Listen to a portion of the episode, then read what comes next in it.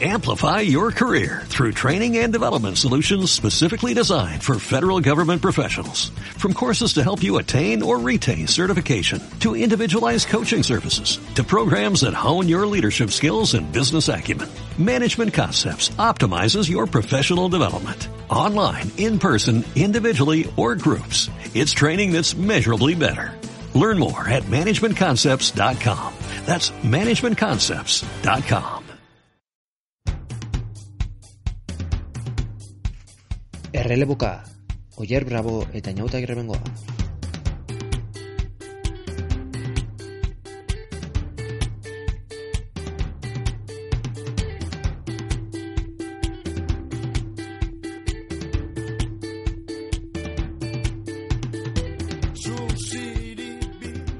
Kaixo lagunok, ongi etorriak izan zaitezte aste honetako errelebora. Torkoan, bi mintzagairekin gatozkizue alde batetik, nola ez, Frantziako turra, izango dugu izpide.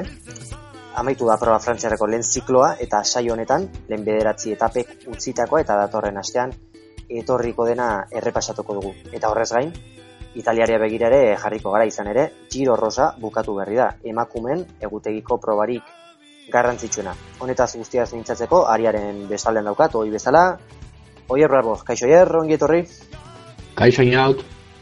Bueno, oier, ba, ondo iruditzen bazaizu, lehenik eta behin e, Frantziako e, turraz solastatuko gara, esan bezala, proba frentziarra lehen atxeen egunera iritsi da, eta esan, ba, bueno, e, orain arte jokatu diren bederatzi etapetan denetarik izan da, alde batetik, eskairen nagusitasun erabateko izan dugu, izan ere lehenengo egunetik ba, eskai taldean izan da e, maiot horia, lehenik eta behin Jerain Tomasek e, jarri jantzi zuen lehenengo eguneko erlojupekoa irabazita, eta geroztik ba, eskai izan da maiot horia soinean eraman duena. E, Jerain Tomas izan zen e, maiot hori eraman zuena hain zuzen ere e, La Planche de Belsfilseko eta paraino, e, bosgarren etaparaino eta hortik aurrera, ba, e, Chris Fromen e, soinean izan da maiotoria, baina, bueno, eskairen nagusitasunaz gain, beste hainbat eta hainbat gauzare izan ditugu, e, alde batetik erorikoak, eroriko larriak, e, txirrendulari asko etxerako e, bidean izan dira, erorikoen ondorioz, eta batez ere, maila ikaragarriko eta izen handiko e, ziklistak, Gero bestale, esprintak izan ditugu, esprintetan Marcel Kittel izan da, izen e, distiratxuena, eta gero baita, bueno, e, azpimarratzeko ez, azkeneko bi etapak, ba, e, fotofinixaren bidez erabaki direla, beraz, ba, esan bezala, denetarik izan dugu, orain arteko bederatzi etapetan. Oier, ze azpimarratuko zenuke lehenik eta behin, zeo zer horrela oroko, orokorrean azpimarratu badaiteke Frantziako turraren lehen ziklo honetaz. Bueno, ba, batez ere e, egon diren, zuk esan bezala, egon diren e, erretiroak edo, eta erorikoak, eta batez ere ze mailako txegindulariak izan diren protagonista eroriko eta erretiro horietan.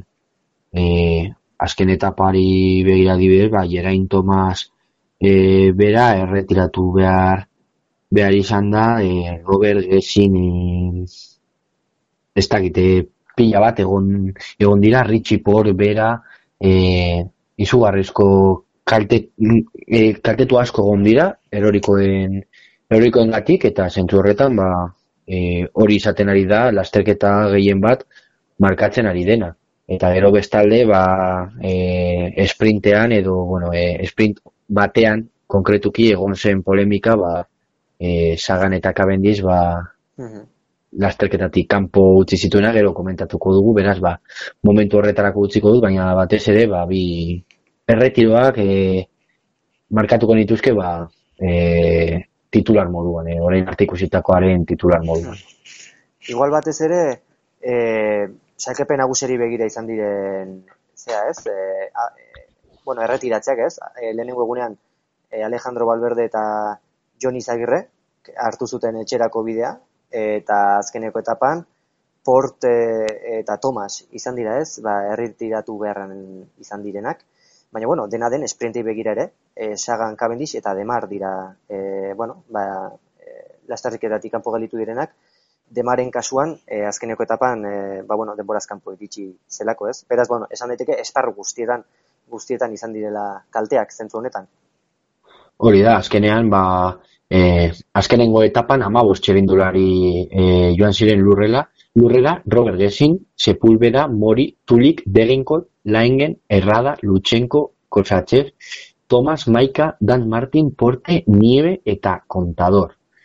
Izen handiak, batzuk klasikanoak, beste batzuk e, etapa eiztari potenteak, sprinterrak baita, beraz, ba, bueno, e, azken etapa hori izan daiteke e, markatuko duena edo gutxienez, bueno, orain arte markatu markatu duena zenolako gaurtatusuna izaten ari den e, Frantziako tur honek erorikoen inguruan.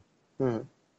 Bueno, gero baita Batez ere... hori, bai, e, komentatu guna, eh, e, maila ikusita eta ez da bakarrik erretiratu direnak, baizik eta e, gero eroriko horiek markatu dutena. Adibidez, maikaren txat. Maika, Hmm. e, zelkapen nagusirako e, ez dakit, agia, favorito e, ezin dugu esan, ze ba, e, bazela e, podiumerako, baina bai e, top amar edo top bost bat, batean lehiatzeko, eta e, hortik kanpo gelditu da, beraz, ba, bueno, erretiratu, direnek, diren esa ba, baita e, zelkapen orokorretik kanpo utzi, utzi dituzte txerindulari asko e, hori erorketek. Mhm. Bueno, gero baita e, aipatu dut hasieran ez, e, beste, bueno, e, turra zioranen ezaugarrietako bat izan dela Marcel Kittelen nagusitasuna sprintetan, e, hiru etapa irabazi ditu sprintean Marcel Kittelek, sprintetan ba, bere izan da gizonik azkarrena orain arte, lehenik eta behin e, bigarren etapa irabazi zuen, Liesen bukatu zena, ondoren e, seigarren etapa ere berak irabazi zuen, Troisen bukatu zena, eta urrengo eguneko sprintean ere, ba, Alemaniarra izan zen azkarrena. Beraz, oier, e, garbi dago, e, bueno, gero pixkat ere hitz egingo dugu hemendik aurrerako edo datorren asteko etapez ez, baina garbi dago orain arteko sprinterrik e, altxuena Marcel Kittel izan dela, eta badirudi hemendik aurrera ere, orain arte ikusitakoagatik ba bere izango dela dominatzailea ez. Bai, batez ere ikusita ba Arno de Mar e, gaixo jarri dela eta e, azken bi etapetan ba e, oso gaizki ibili zela eta azkenean ba lasterketatik kanpo kanpo gelditu dela. Beraz ba bueno, bere e, etxaien nagusiena e, kanpoan ikusita e, sagan bera kanpoan ikusita, ma, Cavendish bera kanpoan ikusita ba nik bakarrik greipel ikusten dut bere, bere mailan eta ez dakit e, irabasteko moduan izango den kite e, elmuga lau lauetan. Beraz, ba, bueno, ikusi beharko hor dago baita kristo, bueno, eta suposatzen dute mendik aurrera baita, ba, e, sprinter berriak edo ba, ikusiko ditugula sprintatzen, ba, da, e, tximolai bera, agian, demar kanpoan kanpoan gelditu ostean, ba, tximolai bera agian e, sartuko da, baina, bueno, e, inondik inora ez dira egongo Marcel Kittelen mailan eta ba, badirudi e, iru, lehenengo hiru etapa bakarrik irabazi irabazi dituela, bost, sei, zazpi agian baita irabazi irabazi ditzakela. Bueno, zuk aipatu duzu ez, ba, erorikoen ondorioz hor, ba, adibidez, tximolai bat orain sar daitekela, bueno, edo demare e, kanpoan denez, ba, e, hor tximolai sar daitekela esprintetan.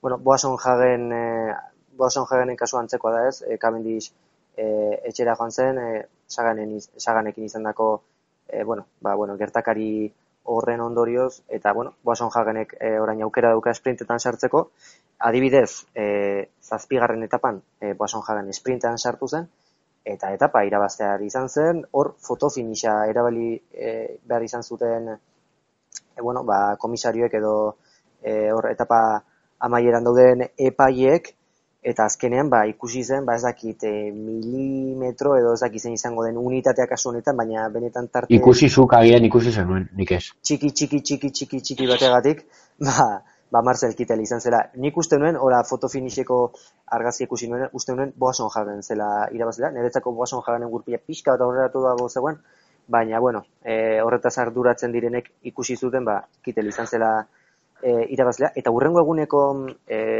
e, urrengo etapako, e, urrengo etapan ere, e, ba, epaiek e, fotofinixa erabili behar izan zuten, e, uran eta e, Warren Barguilen arteko sprint horretan azkenen e, riguarturan izan zen irabazlea. Beraz, oier, esan daiteke, e, erorikoen turrari dela izaten, baina baita ere fotofinixaren turra.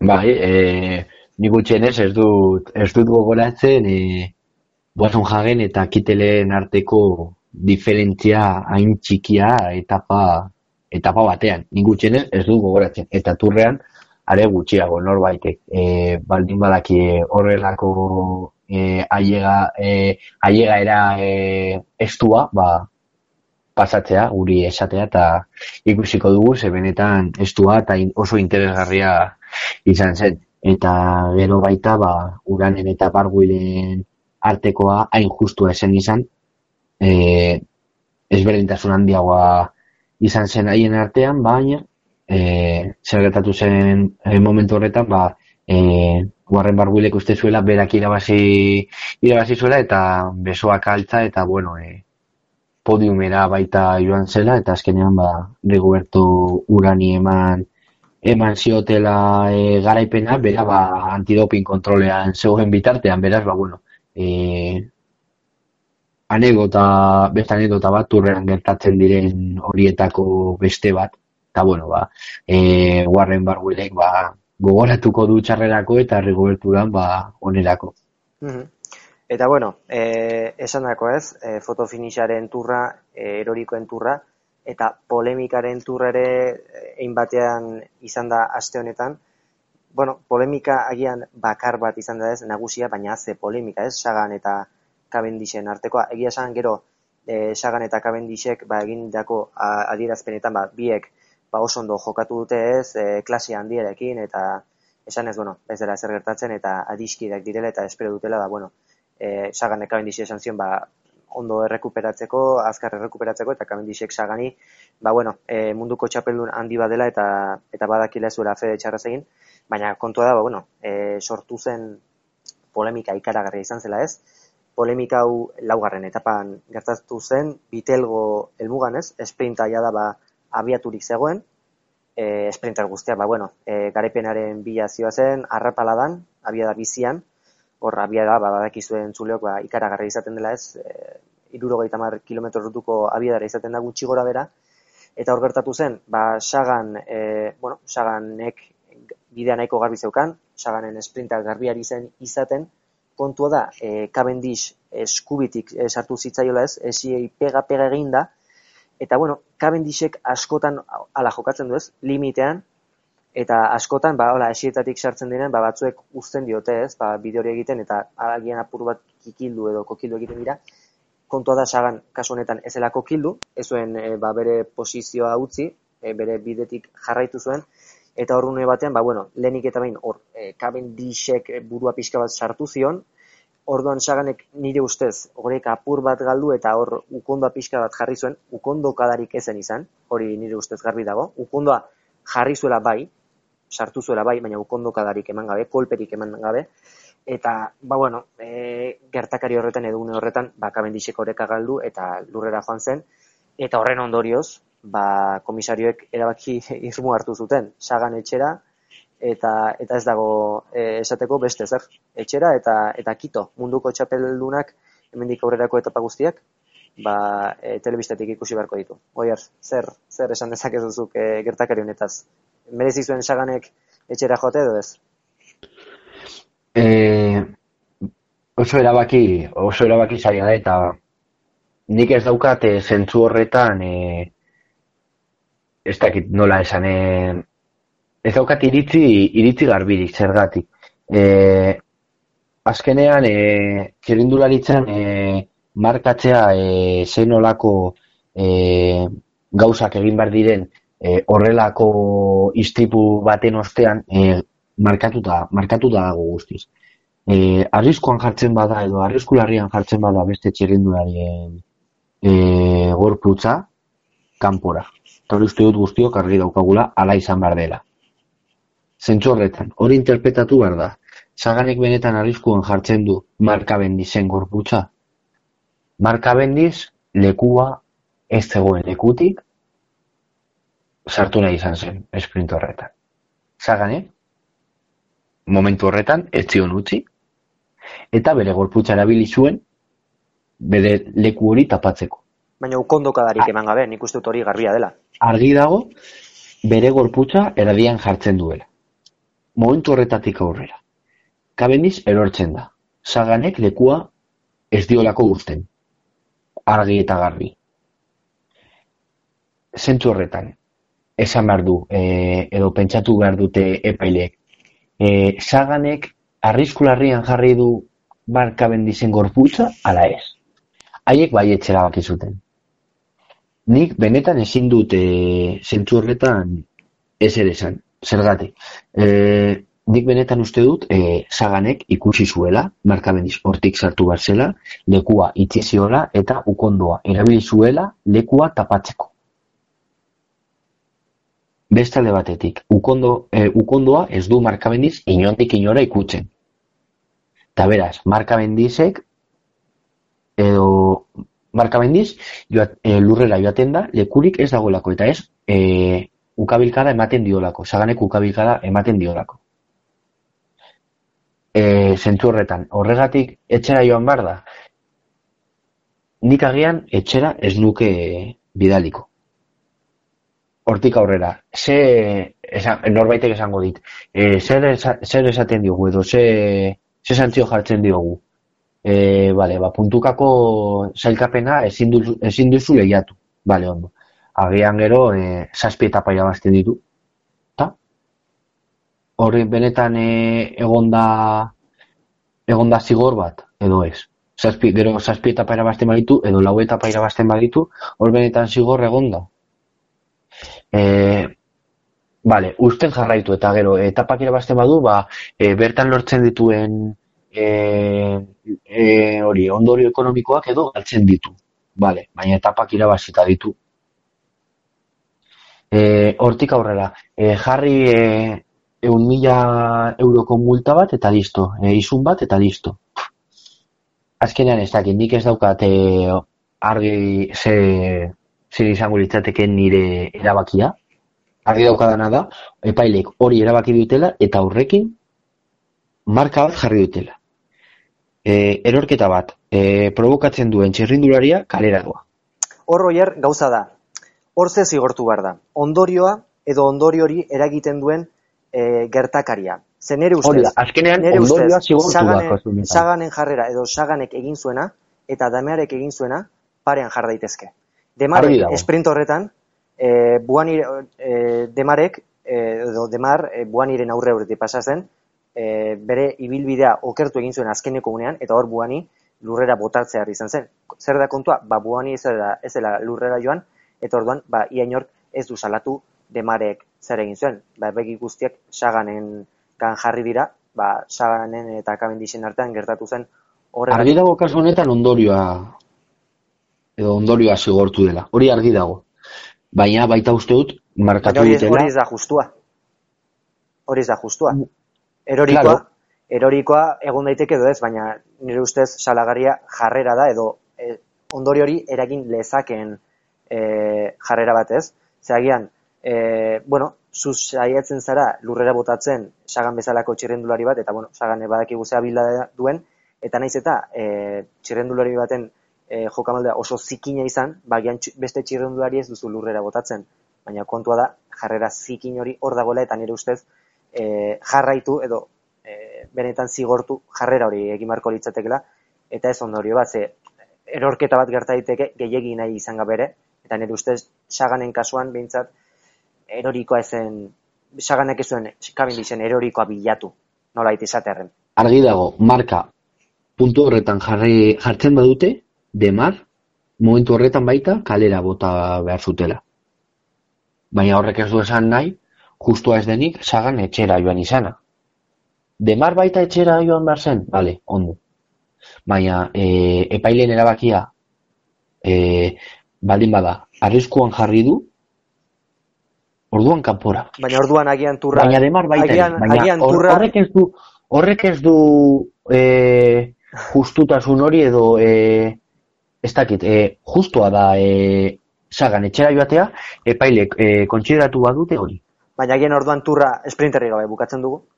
Hori da. maila horretan jartzen badugu, etxera bota, bota edo etxera bidali edo ez bidaltzeko e, maila hori, orduan agian e, sprinterri gabe buk- bukatuko dugu turra, ze sprint ia guztietan izaten da, ba, agian txirendulari bat ba, agian eskuinerantz edo eskerrerantz egiten duenean, duena, azkeneko momentuan, edo, ba, bueno, alako jokamoldeak hartzen dituena, askotan e, gehiagin nahi izan gabe, baina, bueno, abiadura beraren poderioz edo aleginaren gatik ez, balako mugimendu apur bat irregularak izaten dira, eta tira, alakoak ia sekula ez dira hartu izan ez, salbu eta, bueno, oso agerikoak izan ez direnean, ez, adibidez, ba, Bellersek egola burukadak eman zituenean e, Cavendishen e, gidari zebienen sprint batean orain dela urte batzuk, tira. Bai, Renshaw. Orduan, Renshaw izan zen edo Bellers Bai, izan bai, zen. Renshaw bera. Mark Renshaw izan zen, Bai. tira, kasu hortan e, agerikoa zen, ez? Agerikoa zen, benetan Renshawren e, asmoa zela, ba, e, arerio bat paretik entzea, eta gainera nola, ez? Zen nola Rentzau baita gaur kanpoan gelditu da. E, e, ez da llegatu demarren taldean sartu da eta kanpoan gelditu da baita. Rentzau. nire ustez aurrekaria kontuan hartuta, eta orain arte ba, e, sprintetan zer izan den eta zenolako, bueno, erabakiak hartu diren kontuan izan da, ez? Orain arteko jurisprudentziako kotxartean kontuan hartuta nik uste dut sagan etxera bidaltzea erabat jokoz kanpo dagoela. Hor, nire ustez, e, epaiek ikusi duten gauza bakarra izan dela erorikoa. Tira, eroriko bat izan da, ze gertatu da. Eta hor, u, ukondo bat, ukondoa, saganen ukondoa, eta erorikoa, boa, orduan jazta, kito. Sagan etxera, ze, sekulako ukandoko eman dio kabendixi, eta orain, ba, sagan etxaiaren edo jabruaren pare jarri beharko dugu. Nire ustez hori erabat jokoz kanpo dago ez, edo gehiagikeria da ez, epaien partetik. Eta nik uste dut, guzti honekin e, Frantziako turra galtzen duela, ze alako gertakari bategatik e, Peter Sagan bat, e, eta bueno, egia da ez, askotan ba Peter Sagan, e, bueno, ez dakit, nolabait modu berezian tratatzen dugula Peter Sagan delako.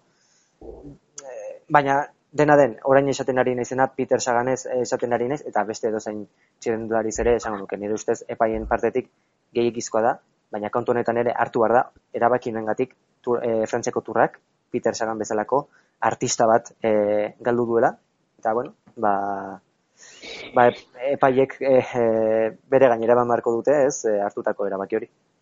Ni e, gai honekin bukatzearen ze ezin gara honekin gehiago gehiago luzatu eta gainera da erabaki bat eta ezin dena aldatu eta beraz ba bueno. Ba, hori da. E, iritzia, iritzia eman bai, baina bueno, gehiagi luzatu ez da ezin gara egin honetan. E, kontuan hartu behar da hori, orain zuk komentatu duzuna. Peter Sagan delako egonda polemika, nire ustez bai.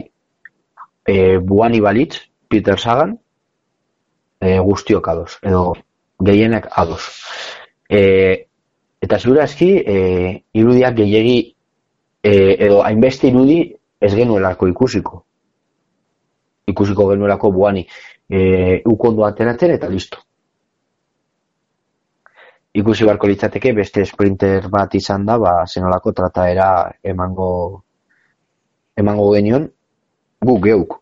Ba, nik uste dut dauden irudiak e, egongo balira, kasu guztietan nik uste dut, nik behintzat e, gauza bera esango nuke. Gero da, bueno, zuk esan duzuna, ez, agian beste txirrendulari baten kasuan, hainbeste irudia ezin dituzke ikusiko, baina dauden irudia kontuan izan da, eta kamara geldoan dauden errepikapenak e, ikusita, nik uste dut garbi dagoela, lehenengo Cavendish izan zela, ez, hor e, lekurik ez egoen e, lekutik e, sartzen saiatu zela, burua jarri zuena, ez?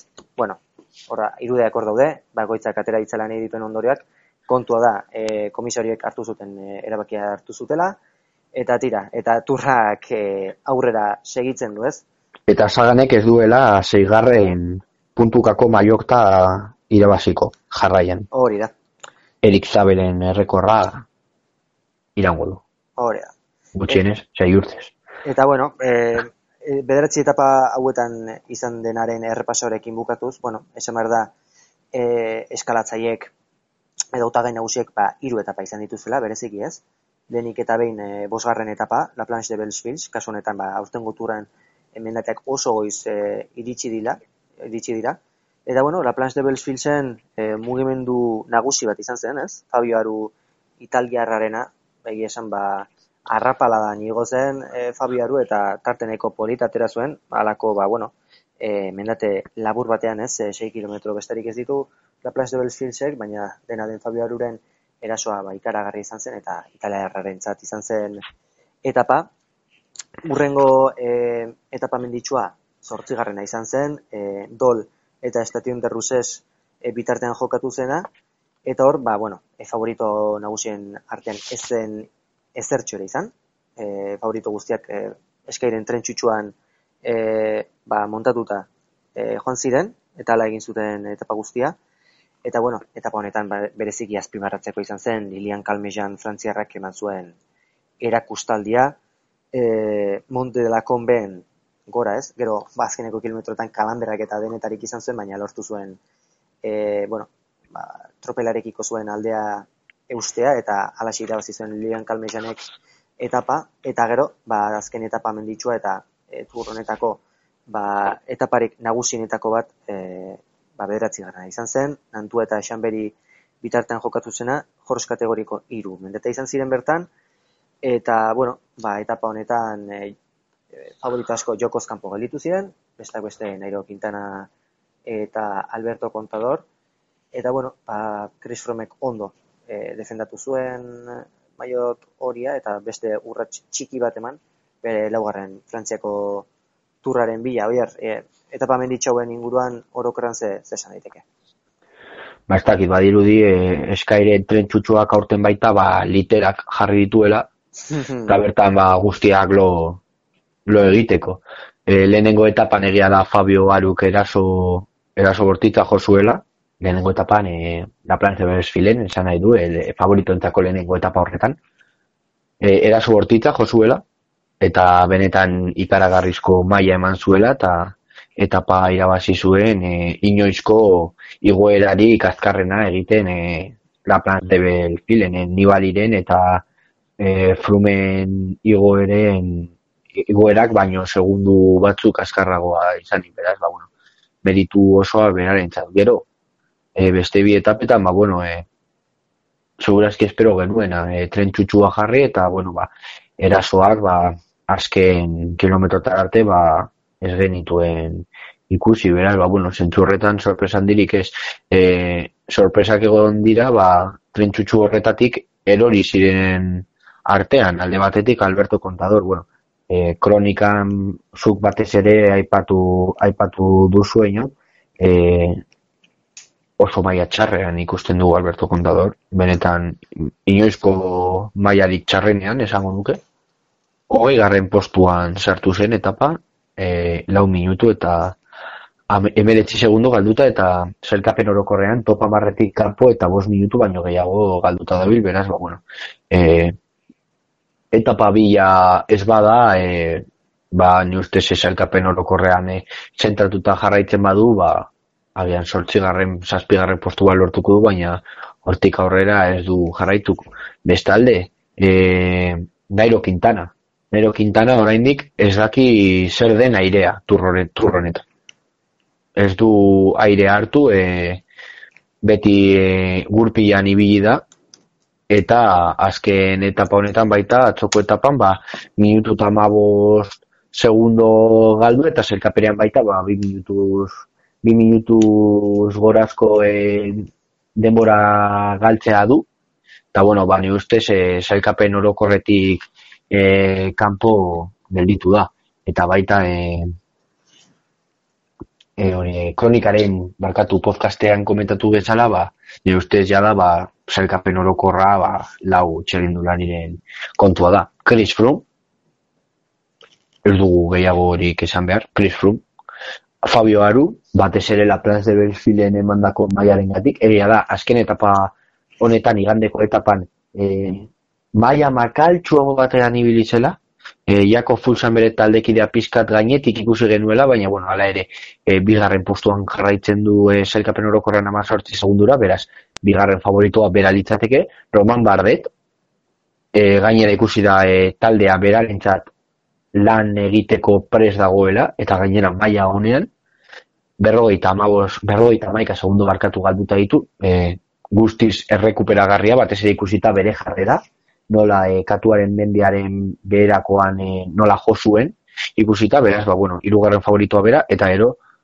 sorpresa, ortengo sorpresa, Rigoberto Uran, berrogeita amago segundu galduta bakarrik, e, etapa bat irabazita, bueno, e, azken urtetan ikusi dugun baiarik onenean, ikusi barko dugu zenolako maila ematen duen aurrerantzean eta egun txarrik ez duen. Momentu arte e, oso regularra izaten ari da eta ez du ez minutu bat galdu promekin, beraz, ba bueno, e, maia ikaragarria ari da ematen eta lau hori artean egongo da zekapen orokorra nire, nire ustez eta zuk e, kronikan esan bezala, ba, zure ustez baita ere, beraz, ba, bueno, lauren arteko tur bat ikusteko aukera izango dugu. Oso ondo, ba, hemendik aurrera zer, ba, lehenik eta behin, gaur astelenarekin lehen eh, atxeen eguna izango dugu, gaurkoa izango du lehen atxeen eguna frantziako turrak beheratzi etapa e, neketxu eta nekagarri den ostean, eta bueno, e, datozen egunetan zer, ba, lehenik eta behin e, amargarren eta amaikagarren etapetan sprinterrek aukera izango dute, ba, ezakura beste garaipen batzuk eramateko, etapa erabat lauak izango direta ba, arazorik ez lukete izan beharko sprinterren taldek dena kontrolpean mantendu, eta e, ba, ba, etapak sprintean erabakitzeko, eta ondoren bi etapa lau hauen ostean, ba berriz ere mendateak e, iritsiko dira, kasu honetan. Apuntetxo bat, apuntetxo bat egin bai, ikusi barko da, e, demar gabe eta txagan gabe eta marka bendizu gabe, ikusi barko da, zenbat talde dauden prest lan egiteko. Ea esten bakarrik ez gelditzen den. E, loto hor egongo da, baina bueno, bi talde bakarri baldin badira, ba ikusi barko da, e, depende eta zein etapetan, ba, gian e, iesaldiek ba, bere aukerak izango dituzte. Bueno, loto eta kuik este bintza jartzen badire lanean e, buru belarri esango duke, arazo gehiagirik ez luketela izan beharko, izan ere nire ustez e, ordekarako bitale hoi dira gian talderik. Hori da, potentenak. Baina, Julian Bermot, ni, bueno, eh, esan bai. dut nire, nire reboriko nina, baina, bueno, Julian Bermot, ikaragarri, ikaragarri. Azpimarratu beharreko, eh, Julian Bo, Bermoten lana, bai, bai. Gero aipatuko dugu. Eta bueno, ondoren e, bi etapa buen ostean, berriz ere mendateak. Kasu honetan Pirineotan, lehenengo aste honetan Jurako mendizerran izan da turra, ba kasu honetan e, bigarren aste honetan e, Pirineoek hartuko diete lekukoa. Bi etapa izango ditugu Pirineoetan, bi etapa esango nuke oso do ezberdin gainera. Lehenengo etapa eh 12garrena po eta peragudu peragutz bitartean jokatuko da 2214 e, kilometroko izango da, etapa luzea eta menditsua. Eta azken kilometroetan bereziki, ba, zailtasun handia duena, ez? E, iru mendate izango dira, koldement, e, por de bale, eta gero pera sud, eta pera gutxi iaia batera, ez? Orduan, ba, hor, ba, garbi dago berriz ere favorituek aukera izango dutela distira egiteko, eta urrengo etapa, ba, oso ezberdina zagatik, ba, askoz ere laburrago delako, egun bat kilometro dituelako, eta eunda bat e, kilometro horietan, ba, kontzentrazio handia e, dago ez, e, iru mendate, lehen mailakoak. Beraz, oier, ba, berriz ere hor e, aukera ez, e, selkepen agusiko gizonentzat e, hor zeo zer egiteko, e, badirudi berriz ere etapa hauetan eskairen trentsutxoa ikusiko dugula ez, indarbetean, kea dariola, eta ikusi barko da, ba, ea talderen batek e, lortzen duen e, ba, trentsutxu hori e, moztea edo trentsutxu horren garapena etetea eta lasterketa apurtzea ez. Behar du nik uste dut Frantziako turrak ze bai iragan urteko edizion eta bai orain arte, orain arteko etapetan, ba, gehiagizko kontrol bat ari gara ikusten eta horrek ikuskizunari bazio inolako mesederik egiten. Bai, bueno, azkenean nik amabigarren etapa e, orain arte ikusitakoaren e, berdina espero dut, etapa oso luzea, trentsutsuaren atzean jarrita, eta agian ba, azkenengo portuan, e, azkenengo mendatean, e, peire, peire zure eta peira gutzen, ba, e, bertan mugimendua izatea. E, hori ikusi barko da, ba, e, favoritoen artean, e, baten batek e, denbora asko galtzen duen, edo, bueno, egun txarra izaten duen, eta bertan denbora galtzen duen. Nik e, benetan esperantza handiak ditut urrengo etapan, e, egun eta bat kilometroko etapa horretan, e, benetan e, gogoak badituzte e, mobistar eta kinkana, trek eta kontador, bertan daukatelako aukera bakarra, benetan denbora hilabasteko. E, oso etapa esplosiboa izango da, e, iru, lehenengo mailako iru mendate daudelako, eta bertan e, hasieratik apurtu dezaketelako lasterketa. Nik bertan haientzat ikusten dut lehenengo bueno, eta azkenengo aukera. benetako aukera denbora asko errekuperatzeko. Kontadorrek noski ez ditu 5 minutu errekuperatuko eta errekuperatzen baditu sorpresa inoizko sorpresarik handiena ez dakit, baina bueno, e, azken urteetakoa bai izango litzateke, baina e, Nairo Quintana eta Movistar ikusita daukaten taldean eiz eta e, balberde daukaten, hasieran esan, esan dugun bezala, ba, e, izan daiteke hor aukera bat. Eta baita, e, age biharren gaur ikusi dugu e, gauza ezberdinak flogatzeko intentzioa izan dezaketela, aurretik etxerrindulariak sartu ze iesaldian eta gero atzetik bardetek e, atzetik aurrerako e, mugimendu bat egitea e, denbora gehiago irabasteko, beraz, ba, bueno, nik esperantza handiak ditut amairu garren etapa, etapa horretan, eta ea espektakulu handia ikusten ikusten dugun, ikuskizun handia, eta e, gutxienez, ba, trentxutxu hori, zuk esan bezala, apurtzen duten. Mm bueno, agian esan duzu ez, kontador eta kintanaren zat, agian, ba, azken abagune izan daitekela, hor, alpetan ere e, kontuan hartu behar da ez, e, amazazpi garren etapa horrek ere, ba, mendate asko dituela, eta hor, e, ba, ere ibilbidea badagoela mine egiteko, baina, bueno, eki esan... E, agian berandu egi momentu horretan, e, hainbeste denbora irabaztea ze, E, Ikusi garko da egiten den, horrea turra ez, zenbateko galerarekin egiten diren Hori da, hori da, baina ikusita zenbat denbora galdu duten, e, behar dutena da denbora hori lehen bai lehen errekuperatu, ba, hmm. haiek ere haien burua bertan ikusteko, e, beste pari ikusteko, eta, bueno, ba, zentru horretan ikusi barko dugu. Bai, garbi dago, eta pau, ba, aukera ezin izango dela guentzat, e, esan behar nuen, e, ibilbide motz eta menditxobek, azken e, garaiotan, benetan ikuskizun handia eman dutela ez, adibidez, dofinen horri izan zen, alako formula ez, e, ba, Rixiportek azkenean e, maiotoria erantzi zuen etapa hori ez, fulsan irabazi zuen hain zuzen ere, gero e, Paris nizan uste dute izan zela, antzeko etapa labur eta esplosibo bat, e, giroan ere bai, uste dut e, formula hau oso ona dela, benetan, izan ere, e, alako ibilbide laburretan, erritmoa ikarakarri izaten da, benetan oso oso altua, eta erritmo e, altu horri gehitzen bazaio, ba, mendatetan gogortasuna, ba, nik uste dut e, beti izaten dela antzeko emaitza, ez? Eta izaten da, ba, e, txirrendulari askok txakaldi handiak izatea, eta distantzia, ba, edo alde desentekoak izatea.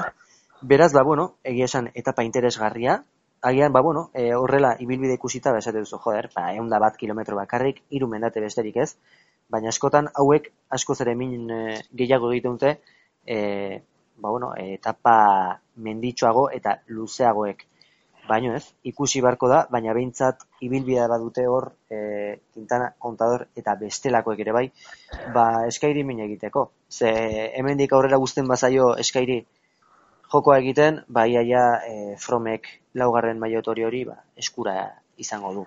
Eta bueno, e, azkeneko aste honekin e, bukatzeko, ba aipatu behar da, e, azkeneko asteko bi e, azken bi etapak, ba bueno, ez direla horren gogorrak izango ez, e, bi etapa hauetan, esan daiteke, salkepen nagusiko gizonek, ba, hartzeko edo lasaiago joateko aukera izango dutela ez, lehenik eta behin, blainak eta rodese arteko etapa izango da, amalaugarrena, bertan, ba, bueno, e, ba, esan daiteke iaia ziurtasun osoz iesaldiak aukera hona izango duela, eta pa, irabazteko, eta amabosgarren egunean ere, ba, badirudi, e, iesaldierentzat eta pau aproposa izan daitekela. Gaia badago, mendateak badaude, ba, mine egiteko, e, lehenengo mailako bi mendate, hirugarren mailako bat eta laugarren mailako bat, iesaldiarentzako ona, gero, bueno, sailkapen nagusiko gizonentzat agian, ba, ez dut uste e, nahiko gortasunik duenik, ba, inor animatzeko, baina, bueno, ikusi beharko da, ez? Oier, zuk ze, ze uste duzu?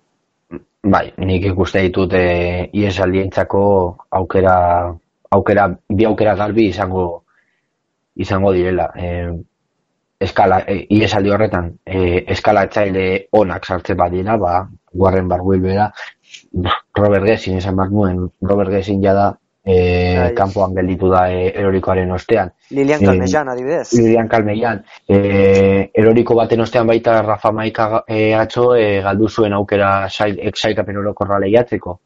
e, favorito, beste favorito argi bat etapa bat etapa bat eramateko. E, bueno, gero ikusi barko, barko da, Talanski, baita, e, noiz bait sartu barko da iesaldiren batean. Esan du ondo dagoela, esan du, bueno, ikusi, ikusi barko dugu. E, horrelako txirindularintzat aukera garbiak izango dira eta ziur aprobetsatuko, aprobetsatuko dituztela. Mm, ba, bueno, e, Frantziako turrari daukionez egin dugu, e, errepasoa ez, esan ditugu esan beharrekoak, eta oier, orain, ba, giro rosare egingo diogu tartea. Hori da, azte honetan baita, ba, e, emakumezkoen txerindularitzan, ba, lasterketari garrantzitsuena garrantzitsuena izan dugu, e, Giro Rosa, amar etapako e, lasterketa izan da, e, orain, bueno, pasaren ostiraletik, izan den hori da, ostiral larun bat egandea, eta gero, aste osoan oso zehar izan dena, eta bertan, ba, Ana Bander Bregen, boeltzeko e, boeltzeko txirendulariak, irabazi, irabazi du, bigarren Elisa Longo bordin izan da, eta irugarren anemie Van Bleuten.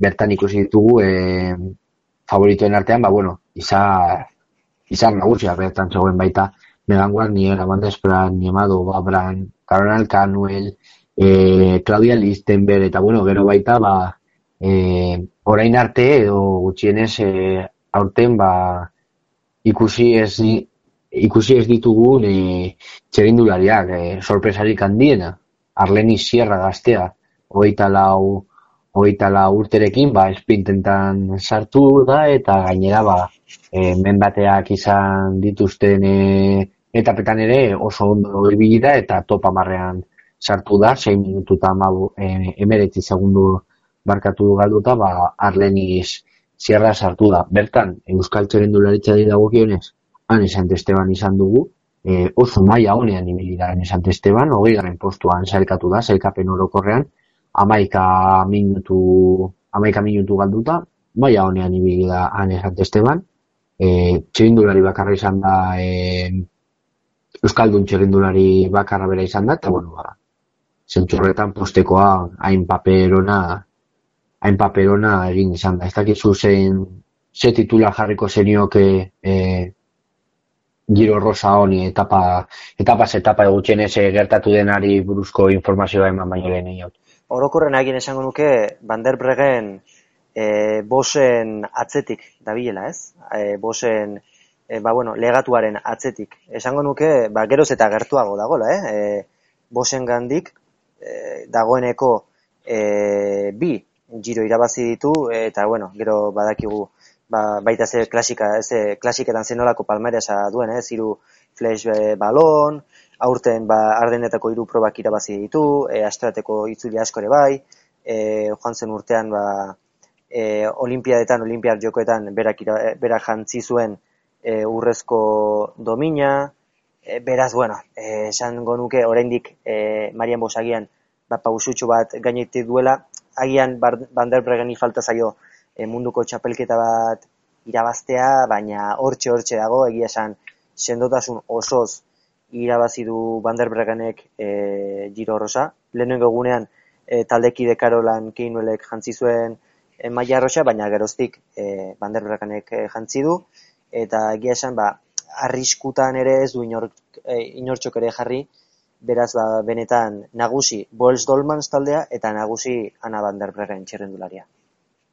Hori da, Boelsek azkenean e, ez du erantzi, e, turrean ikusten ari garena eskairekin, ba, gero rosan e, Boelsekin gertatu, gertatu izan da, lehenengo etapan e, taldekako lojupeko bat izan zen, eta bertan ba, Boels izan zen argi eta garbi nagusi, eta urrengo gunean jada, bigarren etapan ba, favorituek e, bere haien mailarik onena emateko aukera aukera izan zuten eta bertan ba anemie bat bleuten horika eskoteko e, holandarra izan zen nagusi, baina berarekin taldean ana bat nerbregen berak eta logo borgini ailegatu, ailegatu ziren eta momentu horretan ana bat nerbregenek maiote arroza jantzi eta ez du ez du gainetik gainetik kendu e, urrengo bi etapak esprintean, esprintean bukatu ziren, favoritoek e, egun lasaiak izan zituzten irugarren eta laugarren etapan, eta favoritoentzako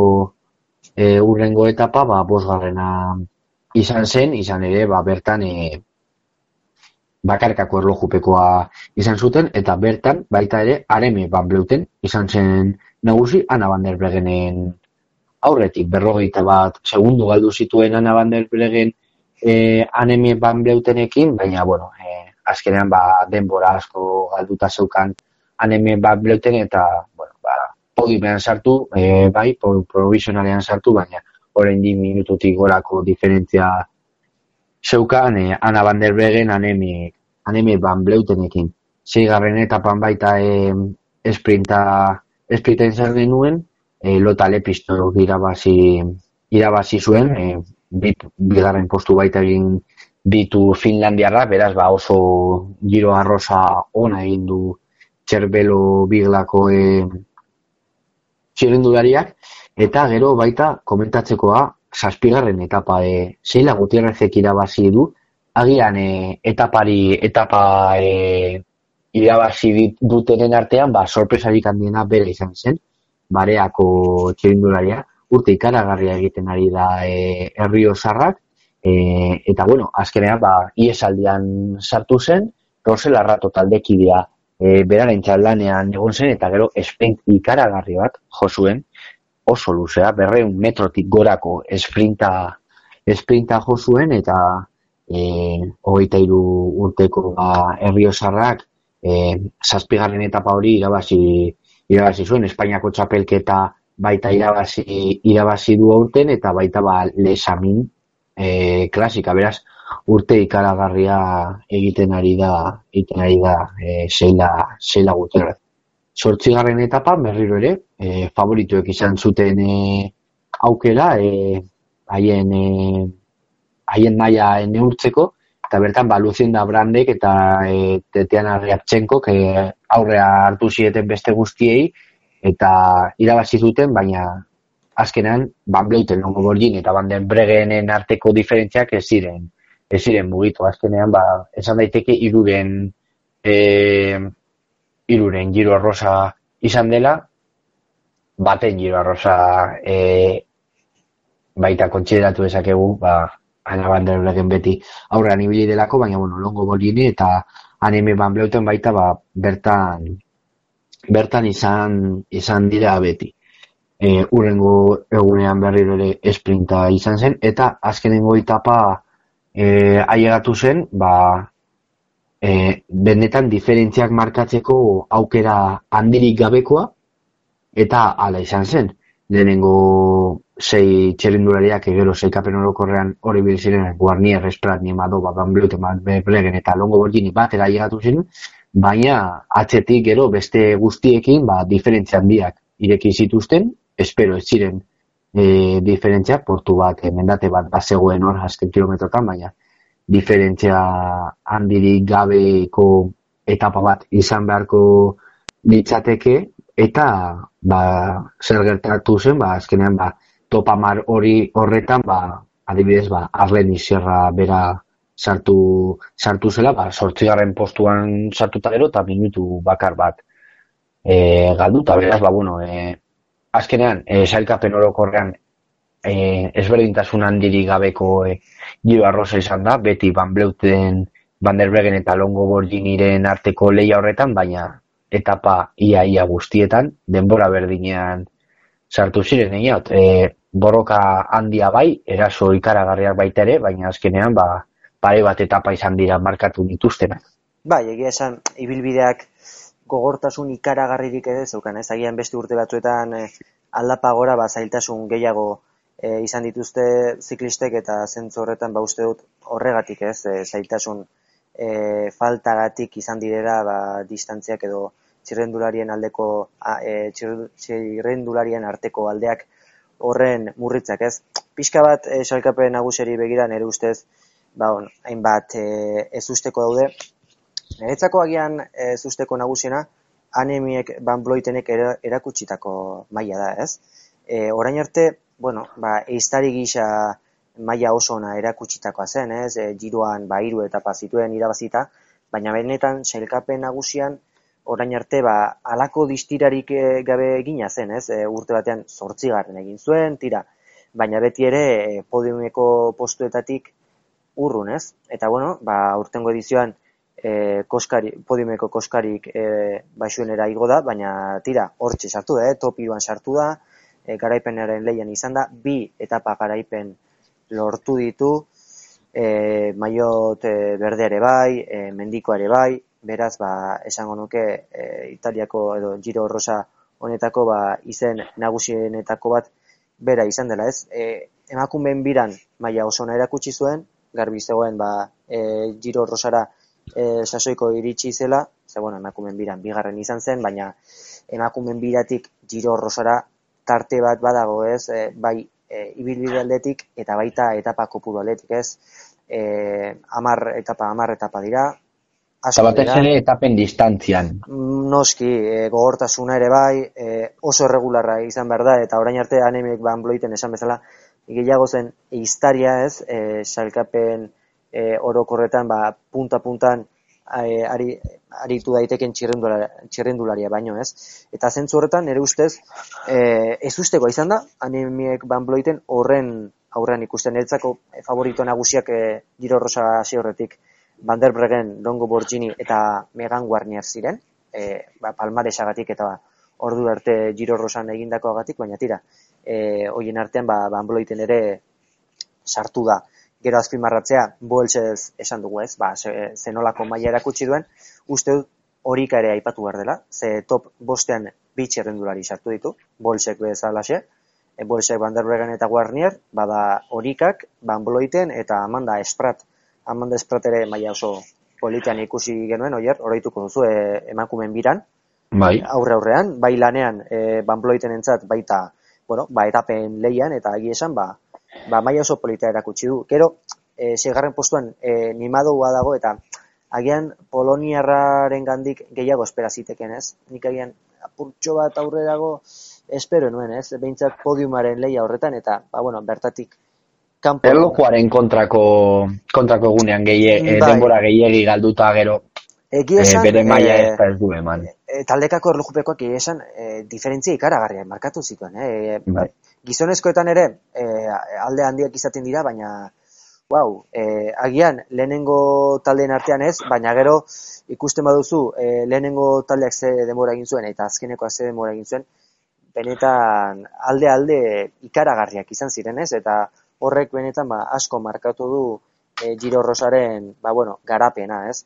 Eta, bueno, e, salkapen nagusiarekin bukatuz, e, ez ustekoa, ba, zuke ipatuzuna baita ere ez, e, Arlen Isirra, txerrendualari gaztea, e, ari zen erakusten, esasuian zehar, ba, benetan e, mai handiko ziklista dela, besteak beste, ba, bueno, adibidez, Valentziako itzulian e, bigarren izan zen, esaikapen nagusian, gero, ba, bueno, klasika batzuetan ere emaitzanak izan zituen, Kaliforniako itzulian hirugarrena izan zen, e, beraz, ba, bueno, oso sasoiko zetorren e, girora, eta benetan, ba, maia partean jardun da, amargarren postu bat, postu oso ona, eta ea ze garapen duen. Eta gero, baita e, bukatzeko hier, esan nahiko nuke baita, esprintetan zenolako alternatibak izan diren, e, aipatu behar da, ba ez dela horrela nagusitasunik izan txerrendulari baten partetik, ez?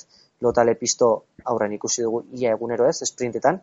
E, erregularrena bera izan. Erregularrena bai, baina tira, e, esan dezakegu, hegemoniarik ere, ez dela izan e, lepistoren partetik, etapa bat irabazi du, eta gero ba, gainontzeko sprintetan ba, beste irabazle batzuk izan dira, ez?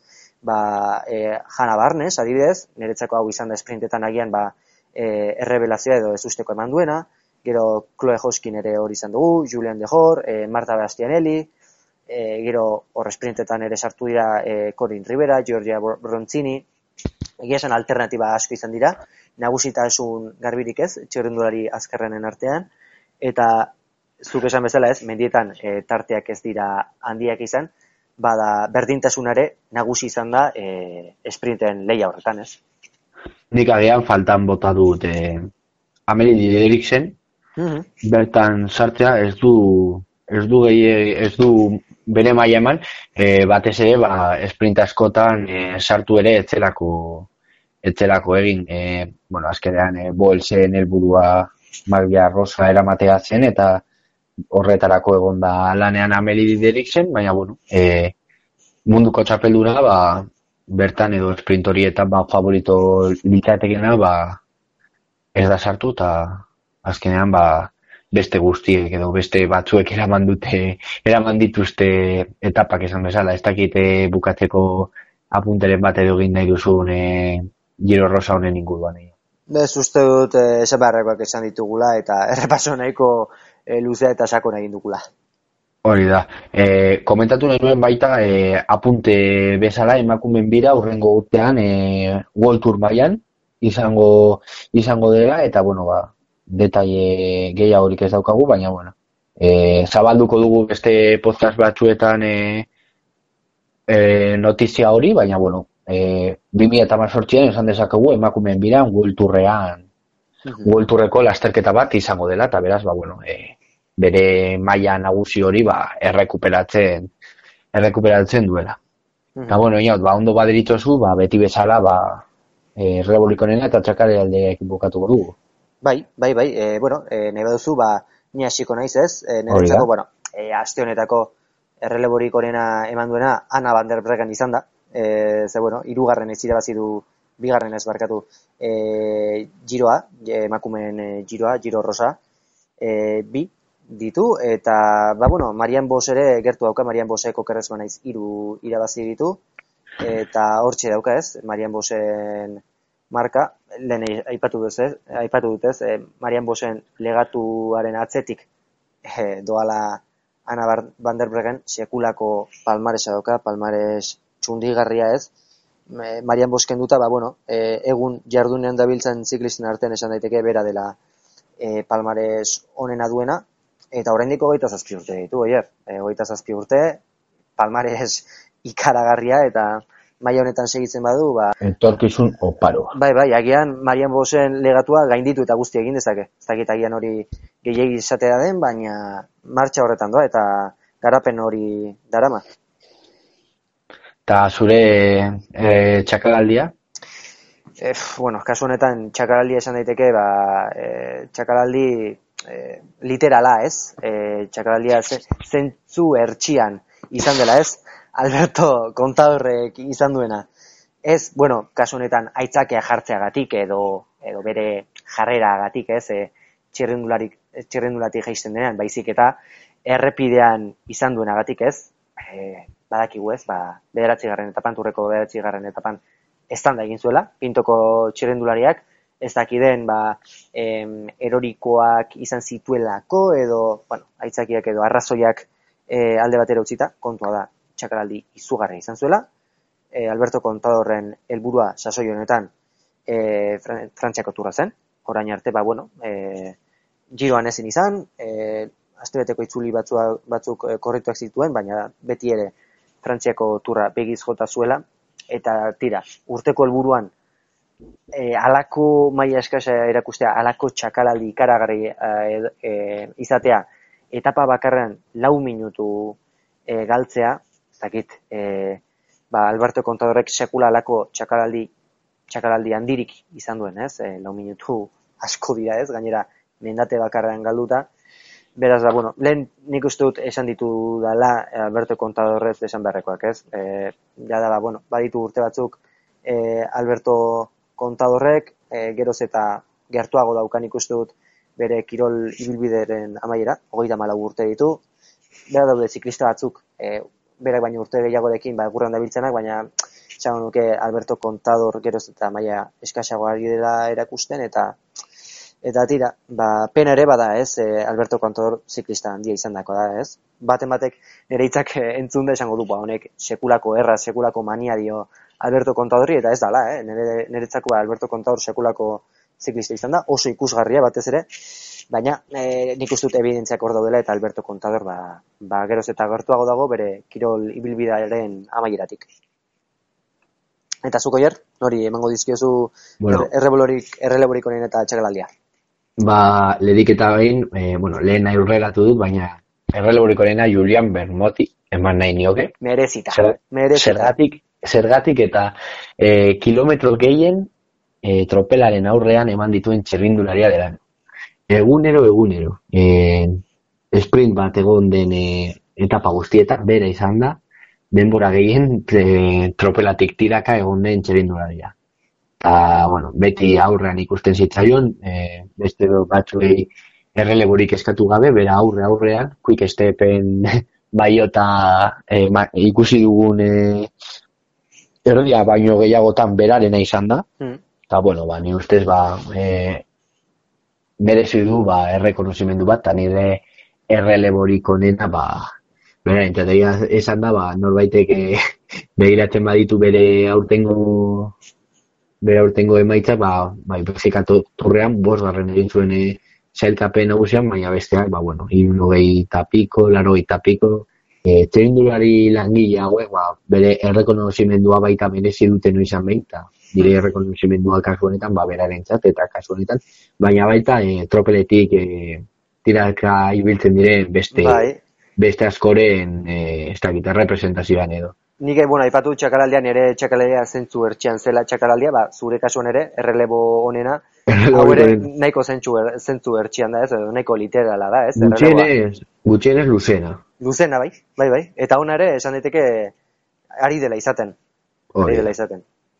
Eta txakaraldia? Et- Eta txakaldia askotan komentatu dugu gai hau, baina askotan komentatzeak ez du esan nahi komentatzeari utzi behar saiola. Giro Rosa telebistan ikusteko aukerarik ez dugu izan. Mhm. Punto eta bukaera. Ez dago gehiagi, Ez, ez, ez. gehiagorik komentatzeko. ez. Hori izango Eh, litzateke, lasterke- Emakumeen lasterketari nagusia, bai, nagusia bai, telebistan hau- ikusteko aukerarik ez du izan. Izango litzateke turra telebistatik ikusteko aukerarik ez izatea bezala. Berdin, berdin. Hori. Parekoa. Eta turra egunero osorik ikusteko aukera daukagu. Bai, bai, lehenengo kilometrotik amaierara din. Hore, berreun eta amazazpi kilometroko etapa ez dakit nola kalifikatu batzuk. E, azken kilo, bi kilometrotar arte e, mugimendurik ez, ez daudena. Eta, bueno, ba, hori ikusteko aukera bai, baina gero giro arroza ikusteko aukera, ba, ez dugu izan. Eta ea gutxienez, ba, e, ETBek eta Teledeportek eta Eurosportek eta, bueno, e, hauek guztiek, ba, lakurs gutxienez ikusteko aukera ematen diguten. Bai, Ni uste baietza horrela izan da azken urteotan. Eta ea, ba, aurten ere aukera hori, aukera hori dugun. Eta oier, e, barkatu, e, orain ari zerela esaten telebistez eta eta barrez, aztuta neukan, nik izatez txakaraldia nion, kontadorri eman nahi. Nik txakaraldia izatez e, Espainiako telebista publikoari eman nahi nion. Oh, egia, egia, astuta. Bueno, Ze, eske honek programa berezi bat behar du. Behar du, bueno, labur, labur, labur aipatuko dut. Kontua da, bueno, ba, turra astera zijoala Dusseldorfen, e, pasaden zapatuan, eta nikoi bezala, ba, ETB baten ikusi nahi nuela, ni altxasuarra naiz, Nafarroakoa, eta bueno, ba, hemen e, ETB bat ikusten dugu, eta eta giroa ETB baten ikusi nuen, eta turrare ala ikusi nahi nuen ETB baten. Jarri nuen ETB bat, bazkalostean, iruetan, iruetan jartzen zuen, e, hasi barzela turra, eta zer jarriko ETB batek, eta Doraemon. Bueno, teledeporte jarri nuen. Bai, bai. Hortik, ordu erdira, jarri nuen, eta Heidi. Ara, Heidi. Aitxonarekin, ze gustora da bien. Eta bueno, eta gero, jarri nuen berriz ere, eta Marko. Tira, tira, tira. Eta git, agian gaurko kontua Barazki izango da. bizidun mitikoak. Mitikoak, bai, bai. Hori, bueno, e, klasiko zalentzako aparta. Urrengo egunean, berdin. Eta esanen, bueno, tira, agian asteburuko kontua izango da. Eta aste honetan ere, ba, berdin jarraitu dute. Eta nik esaten nuen, ez daki, ze gertatzen den hemen, eta, bueno, ba, jarrai nintzen kontaktuan e, Euskarri, Euskal Irrati Telebistako kidekin, eta, bueno, ba, nire txundidurarako, nire harridurarako esan zidaten, e, Espainiako kate publikoak e, eskubidak saldu dizkiola EITB-ri, turrerenak, soilik Euskal Autonomia Erkidegoan emateko turra. Nafarroan ez, Nafarroan, zertarako Nafarroan? Nafarroan euskeraz nork aditu behar du turra, nork jarraitu behar du ez? Ba, hori, zuk esan bezala, oier, puntu eta kitxo. Esan beharrekoak esan da daude. Ez dago, ez dago gehiegi, gehiegi komentatzeko zentzu horretan. E, lotxagarria. Tira, ba, alakoxe jarrera salatzailearekin bukatuko dugu aste honetako podcasta ez oier. Bai, bai. ez dakit, eh, barrea sartzen zait. Bai, bai, bai. Tira, bada hemen bukatuko dugu aste honetako podcasta. Gogoratu, bueno, ba, etapa garrantzitsu honetan kronikatxoak edo errelebo laburrak eh, eskegiko ditugula, kasu honetan Pirineoetako bi etapetan eh, grabatuko ditugu kronikak. Nairo Quintanaren erreleboak grabatuko ditugu. Ea, ea, ea, la den, nik ere gogoak baditut oier, ba, e, Quintanaren erakustalde berriz ere ikusteko, eta, bueno, ea, zozare egiten ditu, e, digun boiakako magoak, eta tira, bada hemen utziko dugu aste honetako podcasta, eta gustu baduzu, ba, e, elkarren berri izango du berriz ere, ba, pirionetako kronikatxetan. Bitartan ondo segi. Aion.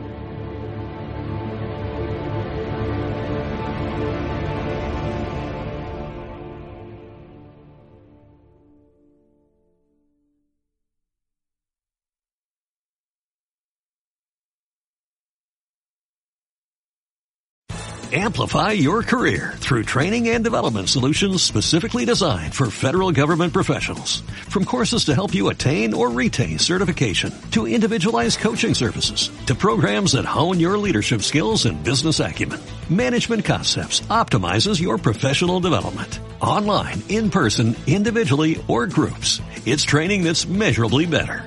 Learn more at managementconcepts.com. That's managementconcepts.com.